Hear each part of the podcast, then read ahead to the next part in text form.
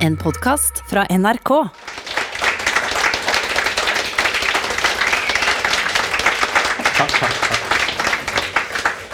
Velkommen til Kapittelfestivalen i Stavanger og Kverulantkatedralen og programposten Norsk litteratur i en global litteraturøkonomi. 90-tallet og første halvdel av 00-tallet var a gilded age i norsk bokbransje. Bokklubber og bokhandler pushet bøker som aldri før. Forfatterne var blant kulturens ypperste celebriteter. Og få, om noen, trengte å bekymre seg for bunnlinjen. Det siste tiåret har ikke vært like forgylt, men fremdeles holder boka og lesingen imponerende stand i Norge. Like rundt hjørnet truer imidlertid nye farer. Boka må konkurrere med Netflix, HBO og generell tanketom mobilscrolling eh, om publikums oppmerksomhet. Og mye tyder på at den norske bokbransjen snart må konkurrere med netthandelgiganten Amazon om kundene. Hvordan ser den norske litteraturpolitikken, som ga et slikt rikt bokmarked og så sterk samtidslitteratur, egentlig ut? Hvordan må den utvikles for å møte de nye utfordringene? Og hvilket ansvar har bransjens egne aktører? For å svare endegyldig, krystallklart og eh, med to streker under svaret på disse spørsmålene, så har vi samlet en slags ambulerende tankesmie her på scenen. Den består av eh, Heidi Austli, som er nyslått leder av Forleggerforeningen. Kari Marstein, sjefredaktør for norsk skjønnlitteratur i Gyldendal. Tore Slåtta, forsker og forfatter av bl.a. den høyst relevante boken 'Litteraturpolitikkens verktøykasse den norske modellen'. Og Eirik Bø, local lad og forlagssjef i Pelikanen. Ja. Eh, litteraturpolitikk er kompliserte saker, tenker jeg. Og systemet er vel ikke akkurat gjennomsiktig for de som har bedre ting å gjøre på fritida enn oss. Um, jeg tenker Vi må begynne med å, å, presentere noen grunnleggende bestanddeler. Tore Slåtta, kan du kort presentere det du mener er litteraturpolitikkens norske verktøykasse? De viktigste redskapene i den for oss? kan prøve. Um, først vil jeg gjerne si at uh, litteraturmarkeder er, er, på en måte språkmarkeder. De har en historie som knytter dem til nasjonale og regionale markeder. Så um, når du sier nå er vi på vei i en internasjonal økonomi, ja, men vi har fortsatt med oss det med språket og det faktum at veldig mange land i verden har litteraturpolitiske virkemidler som er nasjonale eller knyttet til språkpolitikk. Så vi har eh, i Norge Det har vokst fram ganske mange interessante virkemidler. Man begynner selvfølgelig med det helt standard. Bibliotek, momsuttak, som er veldig grunnleggende, som fins i veldig mange land. Og så har Norge vært eh, av de tidlige med noe som heter innkjøpsordning. Som Kulturrådet forvaltet fra 1965 og fremover.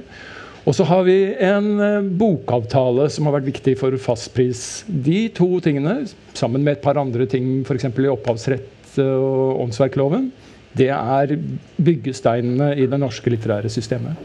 Kan du kort si litt om hva, hva disse to er? Innkjøpsordningen, hva, hva innebærer den? Og hva er, hva er bokavtale? Eller bransjeavtale? Det? kom i 1965. og det var eh, da man første gang opplevde at, eh, at man tenkte at den internasjonale litteraturen tar over. Man følte at uh, norsk forleggeri tapte markedsandeler til internasjonal litteratur. Og så fikk man altså et kulturfond og, som skulle kjøpe inn bøker til bibliotekene. Og Det var en snedig løsning. altså at Man hadde et bibliotek som fikk på en måte bøker sendt hvert år eller i, uh, ja, i faste rater. Alle bibliotekene fikk de samme bøkene. En genial formidling på en måte fra Eh, en slags turbo på litteraturen som, eh, som fungerte og har fungert veldig godt. Både for forlagene, som da får økt salg, og for forfatterne, som får økt royalties. Så eh, når det gjelder bokavtalen, det har jo vært da en utvikling i mange land. Alle land hadde bokavtaler som var bransjeavtaler tilbake 50-100 år siden. De er ganske gamle, mange av de. Og de handler om at man selger ikke nye bøker med varierende pris. Altså fordi at uh, Hvis man gjør det, så er det fort gjort at det går som med melka på Sørlandet. At man konkurrerer Det er liksom fest ned til bunnpris med en gang. Og um, Fastprissystemet uh, sikret at bokhandlene kunne overleve i, i, alle deler av landet. Så har vært, det har vært et viktig prinsipp for å opprettholde spredt bosetting av bokhandlere.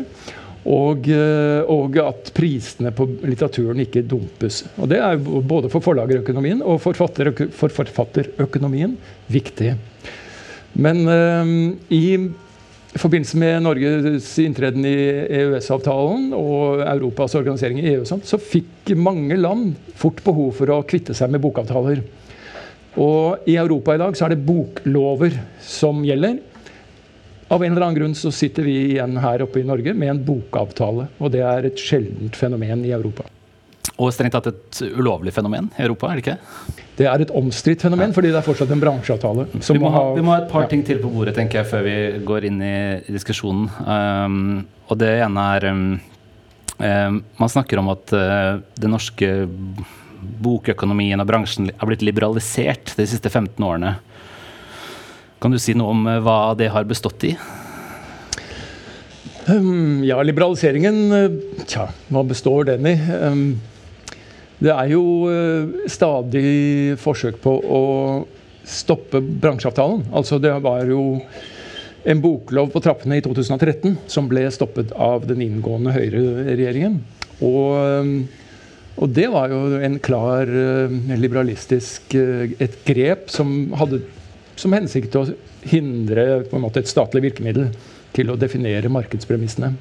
Derfor så er altså da en bokavtale et fritak fra konkurranselovgivning. Og, og, og man får liksom hakking fra Konkurransetilsynet og fra EØS, overvåkings, ESA og slike ting. Et siste moment før vi går videre. Eh, funker det, disse verktøyene? Er de effektive? Ja, jeg vil si eh, norsk litteratur hadde ikke vært der den er nå, hvis ikke det hadde vært for at disse systemene, eller disse virkemidlene var ganske virk virksomme, ganske effektive. Og så har vi et svakt ledd da, i forbindelse med det at vi ikke har boklov, men vi har en bokavtale som ikke forplikter alle forlagene til å være med. Kari Marstein, nå har vi fått noen av eh, verktøyene og premissene på bordet. Uh, du jobber i Gyldendal med norsk skjønnlitteratur eh, og lager, lager bøker. Eh, jeg lurer litt på eh, hvilke av disse som spiller liksom sterkest inn i din forleggerhverdag, og hvilke som er viktigst, og hvordan, du, hvordan, hvordan de spiller inn? Nei, altså det generelle svaret er jo at alt er viktig, at avtalen i seg selv er viktig, og at uh, det fins en bransjeavtale og en viss regulering. Altså bare det at det finnes noe som heter normalkontrakter. Som Forleggerforening og Forfatterforening har forpliktet seg til. Eh, som gir en relativt høy royalty, og som hvor alt er nedfelt. Det betyr at vi ikke trenger å bruke mange timer på å forhandle eh, betingelser med forfatterne. Agentsystemet fins ikke, hvor man har en agent som tar liksom en pris for å få forfatteren og gi forfatteren gode vilkår. Man slipper skyhøye forskudd for å få forfatterne på sitt eget forlag. Det vil si at alle forfattere egentlig får de samme økonomiske vilkårene, enten det er en debutant eller Jo Nesbø, uansett hvilket uh, forlag de uh, går til. Og så er det også fastprisen som er innmari viktig. Um, Hvorfor det, da? Ja, Tore sier at det gjør at liksom, prisene går ned, men det er jo ikke helt sant. For prisene går ned på bestselgerne. Og så ser man ja, f.eks. på Amazon, da. De bøkene som koster mye, er jo de som ikke alle vil ha. De som alle vil ha, de koster lite. Uh, og i Norge så er det jo sånn at det faktisk skjer en kryssubsidiering, la oss kalle det. ikke sant? Forlagene og bokhandlerne tjener penger på bestselgerne. Uh, sånn at man også kan utgi en bredde av litteraturen. Og det man ser skjer i, i friprisland, er at de selger bestselgere overalt. Det er sånn, Kjøp en støvsuger, få en bestselger i tillegg. liksom. Uh, og du tar vekk veldig mye av økonomien i, uh, i feltet. da. Uh, mens her er og, og, og, Fastpris er jo ikke for evig tid, og det er jo en viss periode bare, men det betyr at nye bøker ikke kan reduseres vilt liksom, for å trekke folk til butikken f.eks. Ute i diskusjonen om, om uh, litteraturpolitikk og disse ordningene, så er det ofte innkjøpsordningen som nevnes først. Som, uh, som jo altså er et sånt nærmest automatisk innkjøp av oppmeldte skjønnlitterære norske bøker, vel å merke. da, Og så er ordningene litt mer selektive for andre typer litteratur, oversatt og sakprosa. Men Eh, den fremstår som noe av et sikkerhetsnett, kanskje. Eh, kan du si litt om det? Det gir en forutsigbarhet, da, fordi eh, alle bøker blir innkjøpt. Det gir noen spesielle vilkår for forfatteren. Så det skaper jo en sånn bunn som gjør at norske forlag kan ta ganske store sjanser når det gjelder norsk skjønnlitteratur, fordi ingen går liksom drastisk i underskudd. Alt blir solgt litt. Og så er det selvfølgelig Det er én ting for forlagene, for vi utgjør tross alt en bredde. Vi kan si at ok, vi regner med så og så mye sånn det er litt sånn De store talls lov, da. Men for den enkelte forfatter så er det jo mye viktigere, fordi du vet at du har denne økonomien i bunn når du utgir en, en ny bok. Uh, så den er, den er kjempeviktig, men det er ikke faktisk for, hvert fall for bransjen, tror jeg, det mest umistelige, da. I, um men vi vil ikke miste det. Det er ikke det. det er bare, alt er bra. Nei, eller mye er bra. Um, altså når, når um disse, dette avtaleverket og sånn er oppe til diskusjon, og det er det jo med jevne mellomrom, så er det ett argument som ofte dukker opp, og det syns jeg egentlig Trond Giske har uh, formulert best. Da han var kultur, kulturminister, så sa han at um, uh, i, i, Norge så, kan, det, så, står man fritt til å drive butikk, men butikker betaler moms. Og det er jo et av de uh, på en måte godene da, bransjen får. og den, det argumentet kan jo overføres til alle de andre ordningene også, for de er kulturpolitisk fundert. Det er ikke, det er, det er ikke næringspolitikk primært. Det, men det følger jo da på en måte en oppfordring om å ta ansvar. da. Um, tar dere ansvar? Hvor mye tenker dere på det? At, at, at, at, at er et ansvar? Mm. Ganske mye. Både på redaksjonelt nivå, altså på, i norskredaksjonen. Mm. og det ligger sånn i uh, veggene på huset og i ryggraden på oss som jobber der, at vi ikke tenker liksom nå må vi ta ansvar og utgi denne boka som kanskje ikke kommer til å selge så mye. Vi, det er vi utgir de bøkene vi har lyst til å utgi fordi de er gode. Og det tror jeg alle norske forlag gjør. De store norske forlagene som driver med skjønnlitteratur. Uh, og så er det, ikke sant, du, du, har rett i at momsfritaket er innmari viktig. og det er, liksom så, det er litt usynlig. Vi glemmer av og til å nevne det, selv om det er en enorm subsidiering. Eh, men jeg vil også si på høyere nivå hvert enkelt forlag. Man føler at man har en samfunnskontrakt å oppfylle uh, som går på ansvarlighet og ivareta uh, norsk litteratur, men også norsk språk. Altså nasjonallitteratur er jo innmari viktig for å um, holde den språklige stoltheten ved like, da. Mm. Takk. Um, Heidi Austli, du er jo liksom hoppa i denne, dette vannet nylig. Um, jeg sa litt innledningsvis om at egentlig så står det ganske bra til fremdeles med både lesing og boksalg. Det har vært litt nedgang på en måte det siste året, men det var etter en oppgangsperiode. og Det, det er fortsatt ikke noe sånn der voldsomme grunn til å si at det, det, peker én vei, og det er en dårlig retning. Men eh, hva, hva, hva, slags stemning har du fått inntrykk av når du liksom har tråkka inn i Forleggerforeningen og i bransjen? Ja, og jeg kommer jo fra en veldig annen bransje også. Hvilken er det? Eh, jeg kommer fra digitalbransjen. Ja, Du kommer fra vår fremtid? Vår felles fremtid? Jeg kommer fra fremtiden. Mm. Er det ikke bra? Det er deilig å få lov til å komme fra fremtiden. Ja, Nei, men, men, jeg tror vi kan uh, være ganske enige om at uh, norsk litteratur er en suksess. Uh, og det er vi bl.a. fordi at vi har en eh, verktøykasse som er et resultat av villet politikk og tett samarbeid. Jeg eh, anbefaler alle også å lese den boka til eh, Tore bl.a.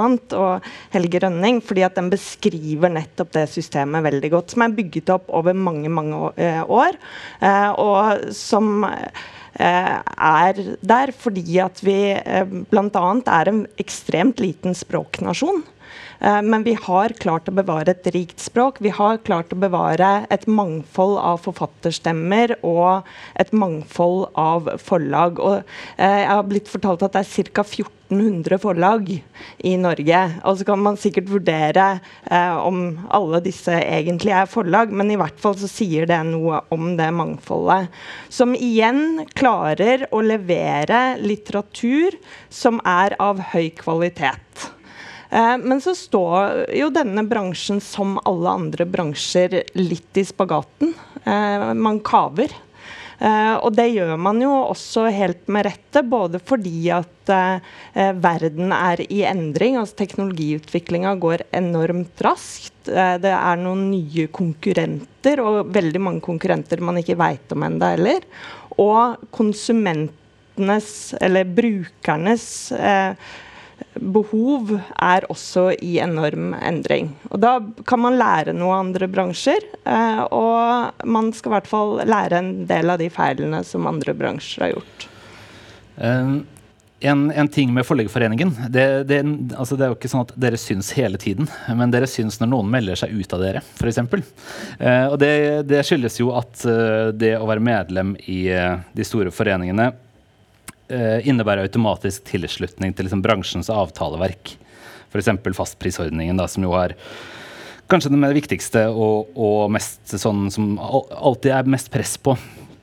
Uh, og senest nå for ikke så lenge siden så, så vi at Petter Stordalens forlagskompleks, Strawberry, meldte seg ut av Forleggerforeningen. Det skal riktignok sies at det skyldtes litt fordi at de kjøpte opp et forlag som driver konkurranse på pris, og man kan ikke melde enkeltforlag inn og ut på den måten i en sånn eierkonstruksjon. Men likevel, det er, det er, eh, når noen melder seg ut eller lar være å stå innenfor og velger å konkurrere på pris, når store deler av bransjen um, ikke gjør det, så, så, setter det liksom ting litt i spill. Uh, hva syns du om forlagene uten, som ikke er medlem hos dere?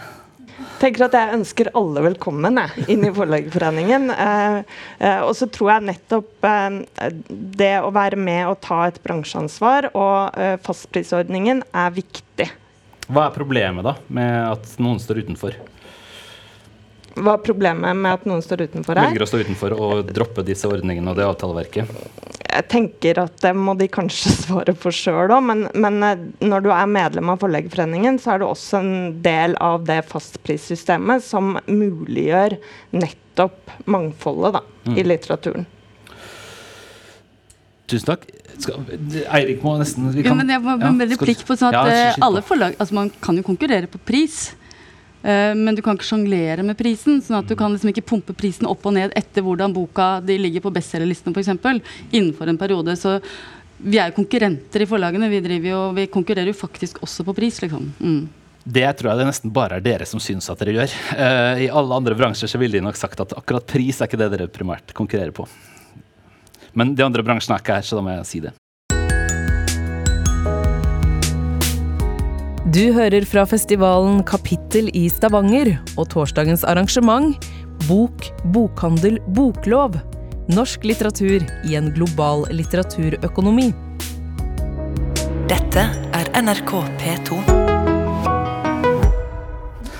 Men Eirik eh, Eirik Bø, du driver et mindre forlag eh, som skiller seg fra f.eks. Gyldendal på den måten at dere ikke har store deler av omsetningen i andre deler av markedet, f.eks. lærebøker eller digitale læremidler eh, eller lignende.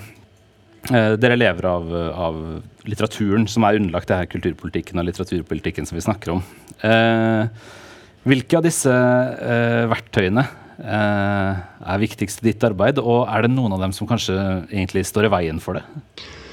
Uh, nei, Jeg er egentlig vanskelig for å si at noen står i veien for det, men jeg er litt overraska over, over, at Kari ikke syns uh, innkjøpsordningen er det mest sentrale. Uh, det er i hvert fall et annet ståsted. For, for, oss er det det. Altså, Dere lever kanskje ikke rett, til loven om store tall? Rett ut si at vi lever av innkjøpsordningen. Vi hadde vært stengt på dagen hvis det ikke var for innkjøpsordningen. Eh, vi lever også i et marked der du fort selger mer til Kulturrådet enn over disk. Eh, så definitivt den viktigste ordningen for oss. Og, også da selvfølgelig eh, i og med at vi driver mye med oversatt litteratur, veldig sårbar overfor en ganske dårlig Eh, oversatt ordning hvis du skal sammenligne med den norske. Altså Den er jo fantastisk bare, at den finnes. Bare for å ha klarlagt det premisset, kan ja. si litt om forskjellen uh, først? Og så skal jeg ja, altså, følge litt opp på det etterpå. Men hva, hva er forskjellen mellom uh, Forskjellen er uh, for det første hva som tas med. Altså Vi har jo til gode å, gi ut en norsk bok som har blitt nullet, som det heter. selv om det er et bransjeinternt begrep altså ikke innkjøpt. Det, av norske bøker blir jo det absolutt aller meste innkjøpt. Av, sånn som potten er nå hos Kulturrådet for innkjøpsordningen for oversatt litteratur, så ja, Nå har jeg ikke tallene for meg, det er kanskje noen av dere, men for oss så ligger det jo på at det er en sånn relativt 50-50 om en oversatt bok blir innkjøpt eller ikke, helt uavhengig av kvalitet. helt uavhengig av kvalitet? Helt uavhengig av kvalitet, mm. vil jeg faktisk si. Uh, hva ville Kulturrådet si? De er ikke her til å svare for seg. Men er det, nei, hva, hva, er, det, hva Kulturrådet sier akkurat det samme. Okay. Uh, så det er ikke noe Hvis du først uh, regner blant de bøkene som de regner som kvalifisert for å bli innkjøpt på oversattlista, så har de allikevel bare råd til å kjøpe inn halvparten av dem. eller så. I vårt tilfelle er det omtrent sånn. Så der er vi selvfølgelig litt sårbare, men det er egentlig et sidepoeng. Poenget er jo først og fremst at innkjøpsordningen er jo det som holder oss, øh, holder oss i live. Hva betyr det for, øh, for, måten dere jobber på, da? Altså, det, det er jo, innkjøpsordningen er jo det ordet sier. Et, altså, staten er en kunde hos dere da, som kjøper bøker. Men én så stor kunde, så påvirker jo det antagelig måten man, øh, man produserer på, og hva man produserer. Eh, det litt merkelige svaret der er overhodet ikke. de er altavgjørende for dere, og dere bryr dere ikke om hva de mener. Du, formulerte jo dette, altså Pelikanen driver jo et marked der vi driver ikke med læremidler eller øh, andre ting, eller viskelær for den saks skyld. Uh, og vi driver jo et forlag der vi egentlig gjør som vi vil. Uh, og har en litt sånn villet, naiv holdning til hva vi holder på med. Eh, men litt finere sagt kan vi jo si at vi, vi prøver jo å være veldig kulturbærende.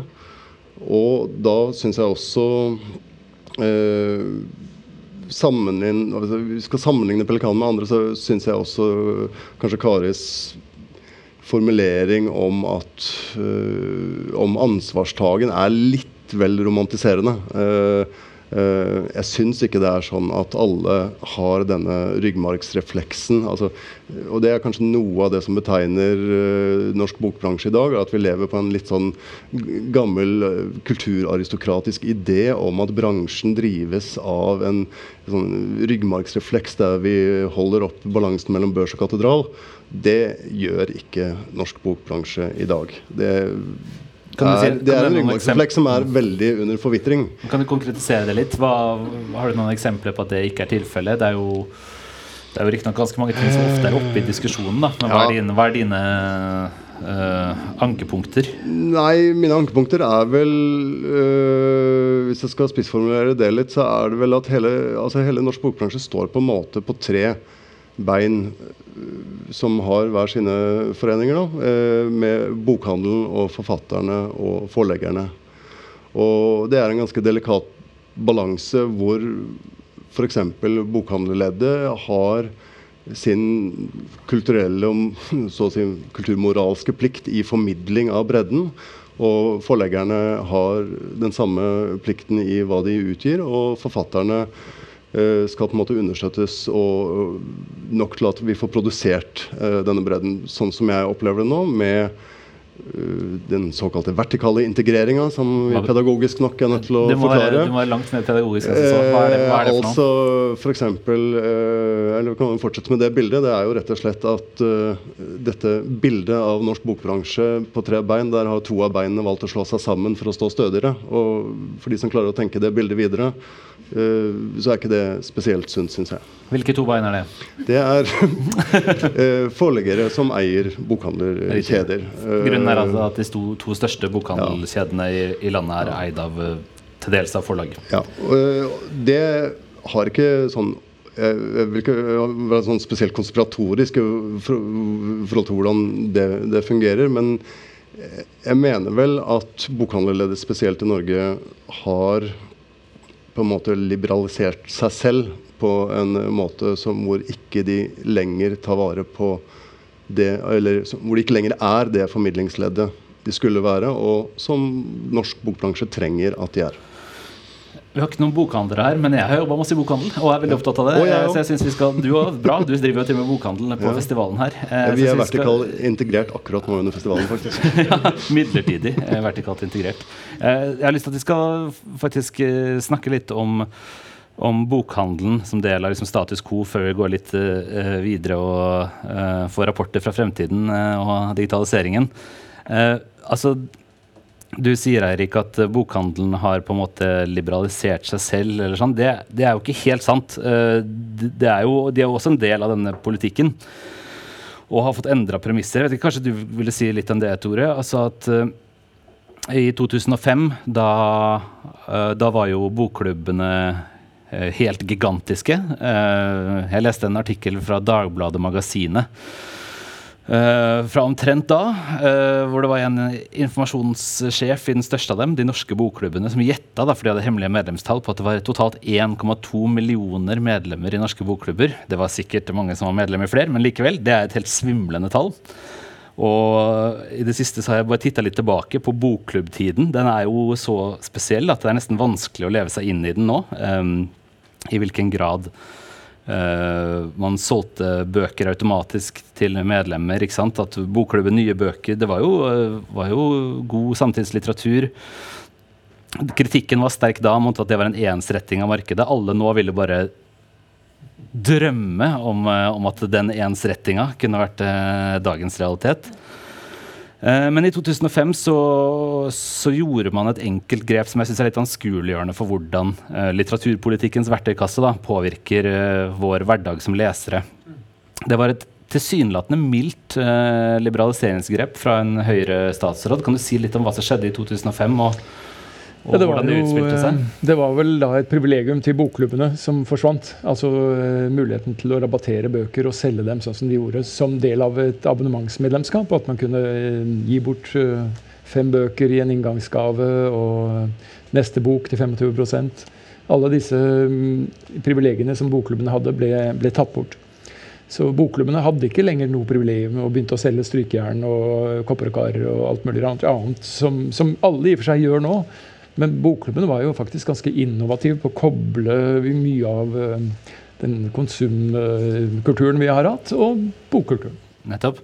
De, de, var jo, uh, som uh, en sentral aktør fra den tiden har kalt det, de var bokpushere av, av rang. da. Ja, de var, Det var helt fantastisk på en måte. da, ikke sant? og det at man fikk abonnementer på den måten man gjorde. og jeg husker selv, jeg flyttet for meg selv. Man, måtte ha avis, og så måtte man ha et eget abonnement i bokklubben. For det, man flyttet hjemmefra, liksom. Dette var jo bare helt obligatorisk. Men på slutten av 90-tallet så begynte liksom eh, noen av disse bransjeavtalestrukturene å krakelere litt. Og der, der var det jo sånn at uh, det var jo uh, i, Å være medlem i Bokhandlerforeningen medførte jo også en del forpliktelser, mer forpliktelser enn i dag. Bl.a. for å ha et stort utvalg av nye bøker. Og så den såkalte skaffeplikten, altså at alle bok, den finnes fremdeles. At alle bokhandlere må skaffe bøker uten ekstra kostnad til kunder som vil ha dem. Eh, men dette systemet har jo liksom løst seg opp, og det parallelt så kom det altså muligheten til å gi rabatt på nye bøker da, i bokhandelen. Og den litt, norske litteratursosiologen Cecilie Naper hun skrev en artikkel i 2009 som har den helt fantastiske tittelen 'Fra mangfold til enfold', hvor hun eh, eh går over utlåns, altså utlånstoppen og bestselgerlister i, eh, i bokhandlere og bokklubber på begynnelsen av 90-tallet og på slutten av 00-tallet, da, etter at denne liberaliseringen har tatt effekt. Og da ser hun i hvert fall, mener hun å kunne konkludere med at Eh, resultatet har vært en veldig ensretting av norske lesevaner. Da. Og eh, at bestselgerbøker og krim og underholdningslitteratur har fordrevet det man liksom eh, kan kalle mer litterær eller seriøs litteratur, altså som har vunnet priser, som har fått god kritikk eller lignende. Og hennes konklusjon eh, påvirker det som er temaet her. Da. Hun mener liksom at noe av den kulturpolitiske legitimiteten eh, vakler da, til alle disse godene. Eh, jeg vet ikke, Kari, Har du noen tanke om, om den utviklingen og, og hvordan liksom bokhandelen har spilt en rolle? For bokhandelen har jo også forandret seg i disse årene. Eh, de, de ser ikke like ut i dag. Det er jo kanskje naturlig, men eh, mm. vil gjerne først benytte anledningen til å si at jeg syns innkjøpsordningen er veldig viktig. altså. uh, men det, den er så lett å se, og, så, og egentlig så er den en relativt liten del økonomisk av det store bildet. Uh, men en veldig veldig fin ting med innkjøpsordningen er at det er ikke bare uh, innkjøp til bibliotekene, men det følger også en abonnementsordning med den, som det heter, som gjør at alle de bøkene som blir innkjøpt, distribueres til 480 bokhandlere nå uh, over hele landet. Og det er jo et system som er Det er det norske? Ja. Ja, det er inntil 90 uh, Det er det samme for Nei, sakprosa er det samme for når den først blir kjøpt inn. Mye mindre for uh, ja. Altså det er helt andre abonnementsordninger for oversatt. Ja. Uh, men det er uansett et system som er relativt unikt, da, som gjør at bøker er tilgjengelig uh, over hele landet, ikke bare på nett. Når det gjelder bokhandel, syns jeg det er en utrolig eh, komplisert og eh, mangslungen ting. For det er jo Man kan snakke om bokbransjen isolert, selvfølgelig, men er også, den er jo også et uttrykk for noe som skjer i hele samfunnet. Altså kjededannelse, kjedemakt. Eh, detaljistleddet som liksom har tar makta, da. Uh, og så jeg er ofte misfornøyd med bokhandelen og hva den satser på, og hva den i hvert fall ikke satser på, og hva man får til der. Og samtidig så er det, det er liksom verdt å nyansere kanskje også da det veldig sånn kritiske, svarte bildet av bokhandelen. For det foregår også en veldig stor breddesalg der, som er mye større enn før. Uh, jeg tror liksom uh, Jeg får ta tall fra ark da, som vi har felles eier som. Uh, hvor det selges 100 000 enkelt, altså ulike titler gjennom ark i løpet av året. Og det er jo veldig mange titler. Og for bokhandleren så er bredden viktigere for overlevelse enn toppene. Kanskje litt sånn tvert imot om man skal tro, eller i hvert fall like viktig.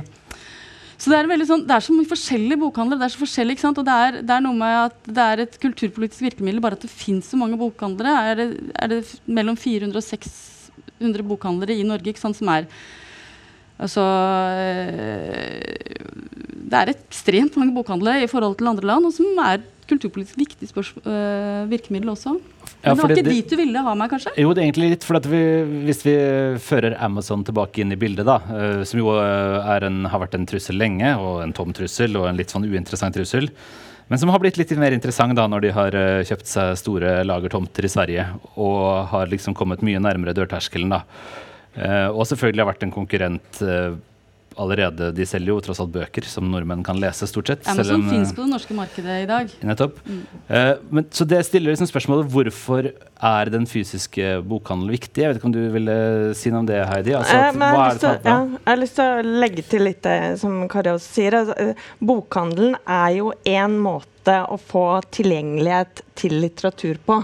Og så er det i enorm utvikling nå.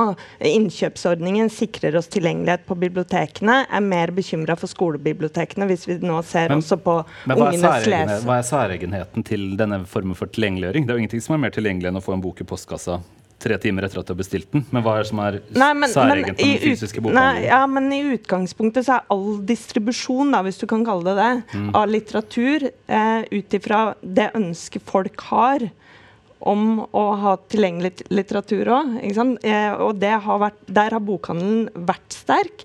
Kanskje vil den også komme til å være sterk framover, parallelt med ganske mange andre ting.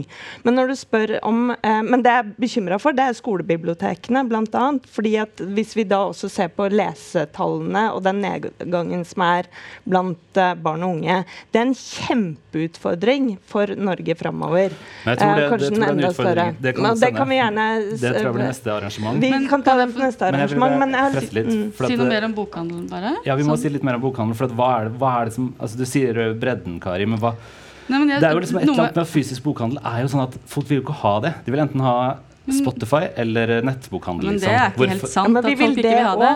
Fordi at de, fortell, nei, fortell. Nei, men, uh, det er jo det som er fint med bokhandelen, er at den fins liksom det som man på engelsk ville kalt Main Street. da, At den fins i alle kjøpesentre. Den fins overalt. Det er en selvfølgelig, bilde av, nei, selvfølgelig del av butikkutvalget, liksom. Og det betyr jo at boka er en selvfølgelig del av liksom, Går du ut på gata, så ser du en bokhandel.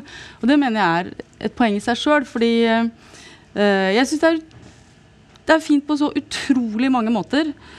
Uh, at uh, boka er et så mainstream medium. da. At den brukes til alt. liksom, At den er underholdning, og den er liksom eksistensiell, og den er liksom hele pakka. Og den er en del av folks hverdag, og den tar, til tross for hva bransjen ofte klager over, får veldig mye plass og oppmerksomhet i mediene. Forfatterne er kjendiser, stjerner. ikke sant, det er, og, og, det er også det at det finnes mange bokhandlere, er en del av dette. At ikke du må inn i en nisje for å lese bok, da. Ikke tilhøre en sånn subkultur, liksom marginalisert. Erik Jo, altså, som jeg sa i stad, altså, bokhandel, bokhandel, bokhandel, har jo eh, mye av formidlingsjobben i eh, hele denne balansen. og Derfor er det jo ingenting som er så bra som en god bokhandel, og de finnes. og det, Derfor er det heller ikke noe som er så trist som en dårlig bokhandel. Og spesielt når det, bokhandelen blir systematisk dårlig, som det da kan bli på uh, kjedenivå. Uh, og denne formidlingsdelen er viktig. Du kan jo selvfølgelig si at uh, formidling kan skje på nettet også, men på nettet oppdager du sjelden annet enn dine egne ekkokamre. det er veldig viktig. og Jeg tror mye av løsningen, om ikke løsningen, men altså en stor del av det du kan møte konkurranse fra Amazon, og som f.eks. er styrket bokhandlerledd uh, på alle mulige måter. Men for å liksom, ta min egen sykemor og sånne ting når, når bokhandlerleddet ikke fungerer, som det veldig ofte ikke gjør for oss, at vi blir helt uh, usynliggjort Og jeg vil også reagere på dette liksom, breddeargumentet som kommer fra bokhandlerkjedene innimellom. For det, er, det, har ikke blitt større bredde, det har det tvert imot. Uh, hva som er synlig f.eks. og omtrent mulig å kjøpe, har blitt snevret veldig inn. Uh, nå rota jeg meg langt vekk fra den argumentasjonsrekka jeg hadde her. Uh, ja, du må finne veien tilbake ja, selv. Ja, må finne veien tilbake selv. Men jo, uh, for vår egen del så er det jo faktisk sånn at på tross av at kanskje en god bokhandel er det jeg ønsker mest av alt, vi, altså som et lite øh, forlag som lider under en del sånn strukturelle svakheter i, i bokhandlerleddet eller i bransjen som sådan, ville antagelig tjent på at alle bokhandlene gikk konk. Fordi vi er ikke synlige nok der hvor bøkene skal selges. Da hadde vi antagelig tjent på å få det mer demokratisert, uformidlet omtrent på nettet. Det er kanskje en drøy påstand, men det er litt sånn det føles. Den er skikkelig drøy. Den er skikkelig drøy. Altså, øh, jeg tror øh, at bokhandlene nesten er øh, pulsen hvor du kan måle effektiviteten av det systemet vi har i dag, som litteraturpolitisk. Og boklov, bokavtale, fastprissystemet. Den viktigste konsten av det er at det overlever flere bokhandlere og fysiske bokhandlere. I det øyeblikket du slipper Amazon løs på den arenaen, eller at nettbokhandlene bare overtar alt, så vil på friprispremisser så vil de fysiske bokhandlene gå dukken. Og de lever ganske kjekt på veldig harde marginer nå. Det der blir tøffere for hvert eneste år som går. Og at de kommersialiseres, det, det er Ok, den, den, må vi nesten svelge litt, tenker jeg. Og jeg tror du kommer til å angre på det valget der, da, som gjør at du skulle stenge alle bokhandlene. Det er ingen som, ingen som ønsker det. det Men du kan jo åpne din egen nisjebokhandel, for det er jo et voksende marked. Det er et voksende marked, ja. ja. Det er i huset ved siden av, faktisk. Ja, du har jo en veldig fin bokhandel her. Ja, Ikke bare meg, Eller, men vi finnes der. Eller du med flere. Ja. Mm. Kortreist litteratur. Du hører fra festivalen Kapittel i Stavanger og torsdagens arrangement Bok, bokhandel, boklov. Norsk litteratur i en global litteraturøkonomi. Dette er NRK P2. Vi skal bevege oss litt nærmere oppgaveteksten, eh, tross alt. Eh, selv om jeg mener at dette er de viktigste premissene for, eh, for det vi diskuterer, og mange av de tingene som står på spill, så er jo et åpenbart spørsmål når man snakker om en slags global litteraturøkonomi. Eh, det ene er Amazon, men det andre åpenbare spørsmålet, som veldig, veldig få i denne bransjen selv liksom snakker så veldig høyt om, er Hvorfor har vi ikke et Spotify for bøker? Og da mener jeg ikke Storytel uh, og strømming og, og, lydbøker på den måten, men hvorfor har man ikke en sånn Amazon Prime-modell, hvor man kan uh, for 200 kroner i måneden eller et eller annet ha en app hvor alle norske bøker kan leses som e-bøker og, og Eh, ha fri, fri, flyt av både bredt og smalt. Eh, det kan virke som, fra utsiden noen ganger, at man er villig til å forsvare disse ordningene som, som holder, eh, holder liksom økonomien oppe på, blant forfattere og, og, forlag og sånne ting, helt til folk bare har slutta å lese og det ikke er noe mer penger igjen å tjene. Og da, det, hvis det står på spill, så er det jo liksom interessant å spørre hvorfor vil man ikke um, endre liksom forretningsmodellen helt. da? Kari, du vifter med armene. Eh, ja, så du kan eh, begynne. Ja, det er jo, Du er jo veldig drastiske linjer du trekker opp her. da, at folk slutter Men det er sikkert, men, det er sikkert men, noen som er, men, har et Spotify-abonnement som lurer på hvorfor det ikke er sånn. Og det er, jo, det er jo, Jeg skjønner jo at man ønsker seg et Spotify uh, Man kan ønske seg så mye. Altså, min oppgave er jo også å passe på at det er forfattere som faktisk kan ha inntekter på å skrive. da. Mm. Og hvis Man får, man kan jo spørre musikkbransjen om hvor bra Spotify har vært for arbeidsvilkårene der. Og så kan man gå den andre veien. Hvorfor stiller man ikke de samme kravene til Netflix og HBO? Og hvorfor, fanns, hvorfor finnes ikke alt det på NRK f.eks.? Så hadde man sluppet alle de ulike abonnementene som man stort sett har seg råd til. Så er det jo øh, Hvis man så for at man fikk en monopolist da, som jeg syns det er alle, alle grunner til å være skeptisk til, så betyr det jo at dels kanskje at den Uh, forfatteren har ikke noe valg. Ikke det er der du må uh, distribuere bøkene sine. Det betyr at du er ganske rettsløs. Du har liksom ingen forhandlingskort, eller sånt, for det er det eneste måten å få folk til å nærme seg bøkene dine på. Uh, og hvordan det kan manipuleres, hvilke bøker som faktisk går. Dette, dette, vet Spotify ganske mye om.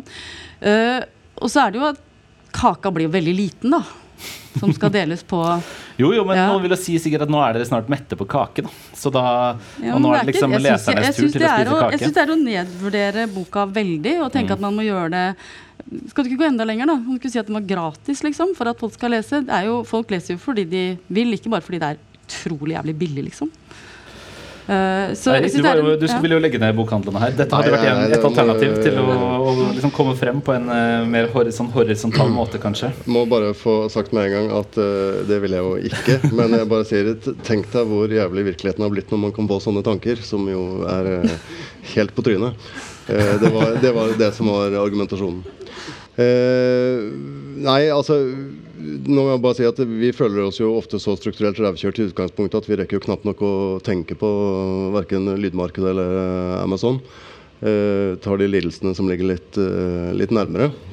Men Du sier at du lever, lever, av strukturene likevel? Altså At innkjøpsordningen er det som gjør det mulig å drive et forlag som Pelikan? da, for eksempel. Men du tenker ute i markedet? At markedsstrukturen er det som kjører dere?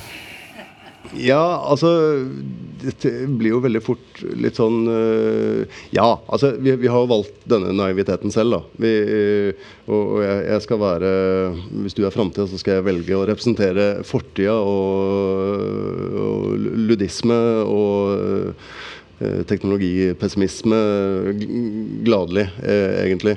Vi, vi opererer med bøker i papir, stort sett. Eh, e-bok eh, egentlig fordi innkjøpsordninga premierer det. Eh, der har vi veldig lite å hente. Og vi opererer i et marked som vi vet er dårlig. Altså med vilje. Det er bøker som oppleves nå som smalere enn det den gjengse leser vil ha. Men når du var innom det glade 90-tall, jeg ville kanskje sagt 80-tall, og bok bokklubben og sånne ting Det har skjedd noe med dette lesemarkedet, for vi gir ut bøker som ville vært bokklubbøker på 80-tallet. Eh, jeg tror knapt nok en del av de største bokklubb-bestselgerne på 80-tallet av den oversatte litteraturen ville blitt kjøpt inn, eller kjøpt rettigheter av et stort norsk forlag i dag, fordi det oppleves som smalt. Som det er jo den forskyvningen som Naper peker ja, på. Når du ser mm. tilbake uh, på den tida, så, så, oppleves jo det plutselig som kjempe uh, altså bredt, da, altså utvalget av litteratur. Og det, det, er klart det er litt i det markedet vi er, og det er et tapende marked. Og det uh, velger vi å sitte og være litt sånn ikke kledelig deprimerte for. Og peke nese til børsen der borte ja. inne fra katedralen. Nettopp. Um, Heidi, du er jo vår utsetning fra fremtiden. Da. det er veldig gøy at jeg plutselig ble ja, Ja, du, du, meldte deg frivillig til det. Uh, hva, hva, tenker du da om den distribusjonsmodellen som har så mange av liksom mange konservative trekk i og for seg, da, men som jo øh, øh, åpenbart har gitt veldig mange gode resultater og fortsatt gjør det. Uh, hva tenker du om type sånn Nå tenker jeg ikke på strømming av lydbøker primært, men den slags modeller for bøker, da. Lesebøker. Jeg har bare først lyst til å si at jeg både tror, ønsker og mener at boka kommer til å leve lenge, lenge, lenge. Og det tror jeg er et viktig eh, da, teknologisk men, medium, det også. Men, men jeg, jeg leser jo på skjerm. Det er jo bøker. Ja, jeg leser ikke på skjerm, f.eks. Men det, du leser jo litteratur, da. Og litteratur kommer vi til å få i veldig mange ulike formater framover. Også en del eh, formater som vi ikke veit om enda. Eh, det som eh, jo er viktig i møtet med det vi nå beskriver som Spotify-modellen eller via Amazon osv., er jo at vi har fremdeles gode litterære verktøy, da, eller rammebetingelser, som gjør at vi klarer å opprettholde det mangfoldet i litteraturen i en særs liten språknasjon som det vi er. Og da mener jeg at både fastprisen og innkjøpsordningen er blant de to aller, aller viktigste elementene. Og fastprisen rett og slett fordi at den er med på eh, å fjerne risikoen eh, bakover i leddet. Altså den muliggjør eh, nettopp at man kan både skrive, utvikle og produsere litteratur av høy kvalitet også framover. Og det er viktig for den norske samfunnsdebatten og demokratiet. Og demokratiet. Det, jo, men det er jo det. Det er jo det. Altså, vi skal ikke ja, ja. underkjenne hva ja, litteratur faktisk også, er. Også litt, uh, og kunnskapen og ja. Charlotta, uh, jeg lurer på om, om, vi kunne prøvd å differensiere litt. For jeg er fortsatt interessert i liksom hvilken litteratur som møter meg som leser her, og hva det har å si, dette her, da. Og sånn som dere snakker, så kan jeg få litt følelsen av at det står veldig bra til med norsk skjønnlitteratur, og så er det ganske shaky rundt. Uh, Eirik Bø for eksempel, de skiller veldig mellom oversatt og, og norsk her. Uh, og hvis man tenker selv da, både på sakprosa og, um, og oversatte bøker, så ville jeg tenkt at det er der uh, mye av mangfoldet har, har, forsvunnet. Og at det kanskje kan skyldes rett og slett at folk kjøper andre bøker. det er lenge siden Pax og Oktober ga ut radikal Uh, sakprosa i pocket i 10 15 000 eksemplarer uh, i bøtter og spann. Um, det er som Eirik Bø er inne på, uh, også lenge siden de, de, bøkene som nå står helt bakerst, oversatte skjønnlitterære bøkene som står helt bakerst i bokhandelen, var liksom lengst fremme. da. Tenker du at det er noen forskjell? At det, liksom er det, det norske og, og, resten blir for to forskjellige skjebner for oss nå, som lesere. Nå får jeg lyst til å si veldig mange ting. Ja, Du kan si noen av dem. Men uh, altså, For det første, for litteraturøkonomien som helhet så må vi huske at skjønnlitteraturen utgir en ganske liten del av forleggeriet. Og uh, altså Det produseres sånn som 6000-7000 titler, og 400-500 av dem er skjønnlitteratur. Så, så, hva som driver dette som bransje, og hva vi tenker som litteratur, er ofte veldig mm, forskjellig. Og hele dette feltet som vi ikke har snakket om i det hele tatt, sakprosa, kunnskapslitteratur, er jo bærebjelker for deler av forleggeriet. Eirik var inne på dette. Men jeg tror også det må nevnes at eh, for skjønnlitteraturen, som jeg mener er kjempeviktig for en språknasjon, for å opprettholde et godt språk og utvikle det, og folks evne til å lese og forstå og, og den Jeg tror jo fortsatt at lesing er en helt spesiell form for erkjennelse. Og at det gir noe som jeg har veldig godt av i forhold til å forstå verden og osv. Liksom. Uh, dette kan filosofer og litteratursosiologer si mer om. Men, men litteratur er viktig for et lite land som Norge. Skjønnlitteraturen spiller en stor rolle. Men for økonomien mange andre ting. Og så tenker jeg, altså Vi må jo uh, si i, dette, i, denne samtalen at uh, når vi snakker om boka, så fins det, det en digital bok. Og den har vi egentlig ikke snakka så mye om. Har, som, som, om den trykte boka var helt opplagt, og det er den jo overhodet ikke.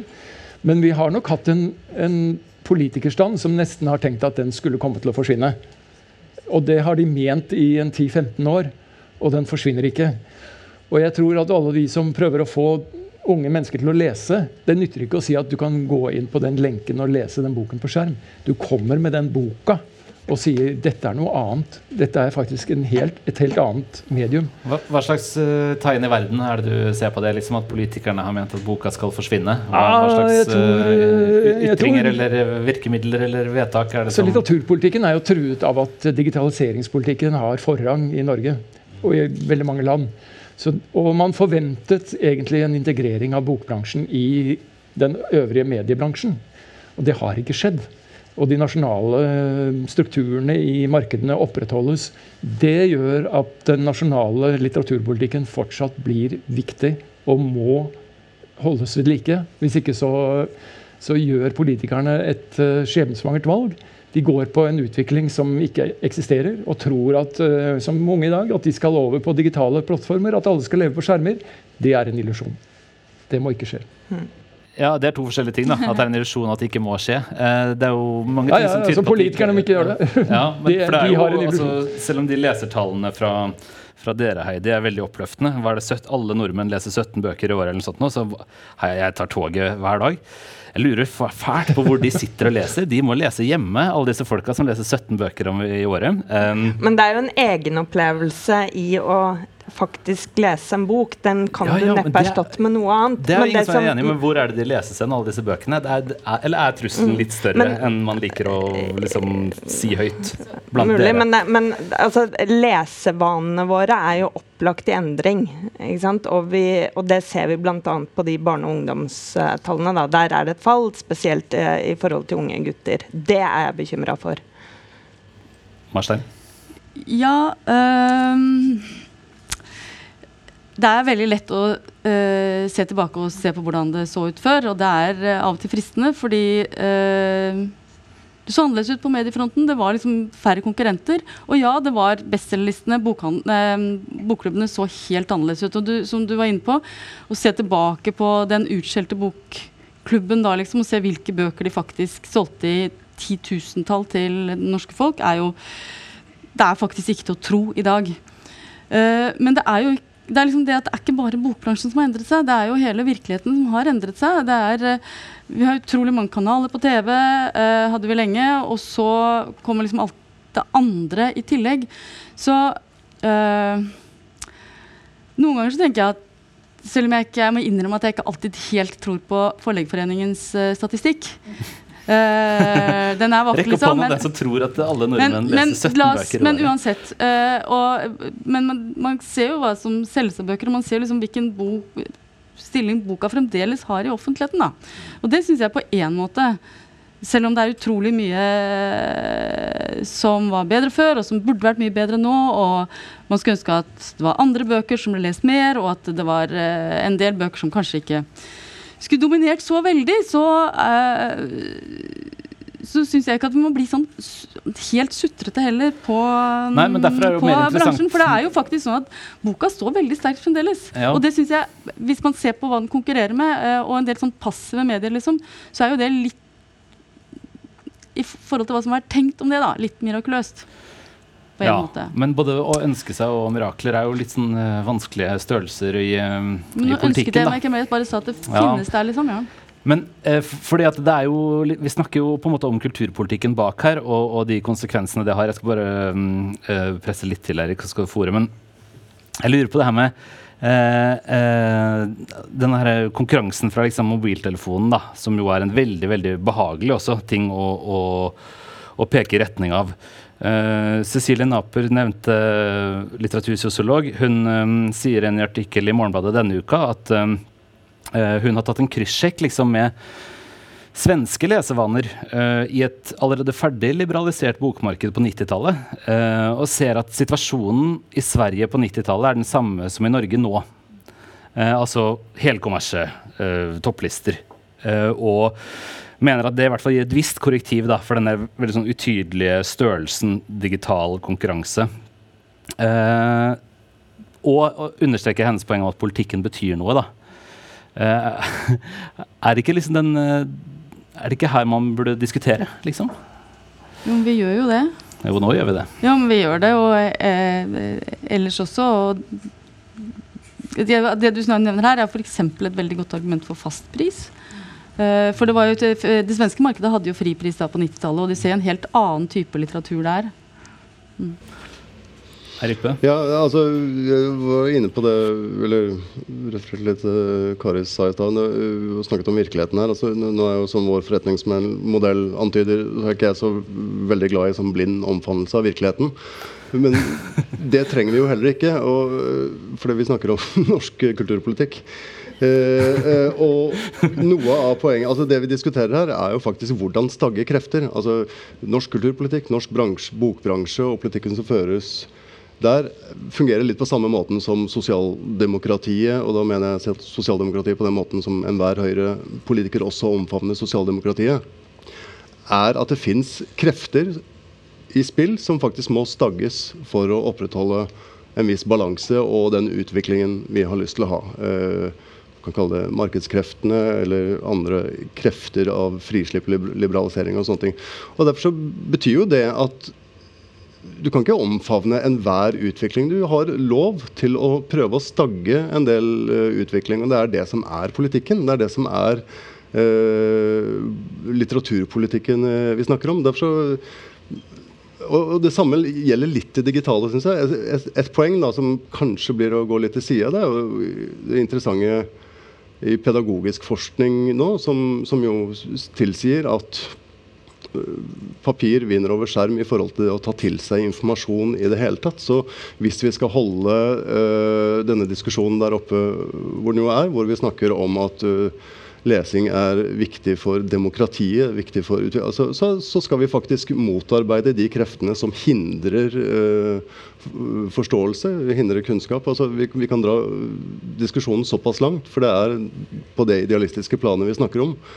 Uh, det er der politikken utformes, og det er, det er der målene ligger. altså denne litteraturpolitikken er fantastisk utformet. Den er formet for å støtte opp om norsk språk, om Uh, demokrati igjen. Det blir sånn festtale. Men, ja, ja. men, det er jo det det er. Dette er jo uh, festtale Arne Stede.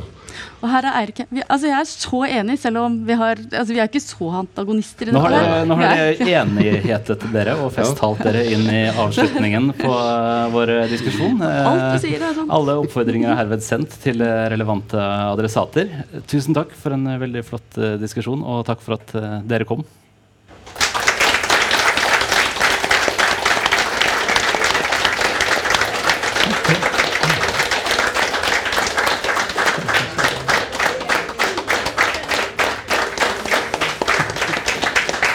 Ja, tusen takk. Du har hørt en podkast fra NRK. Hør flere podkaster og din NRK-kanal i appen NRK Radio.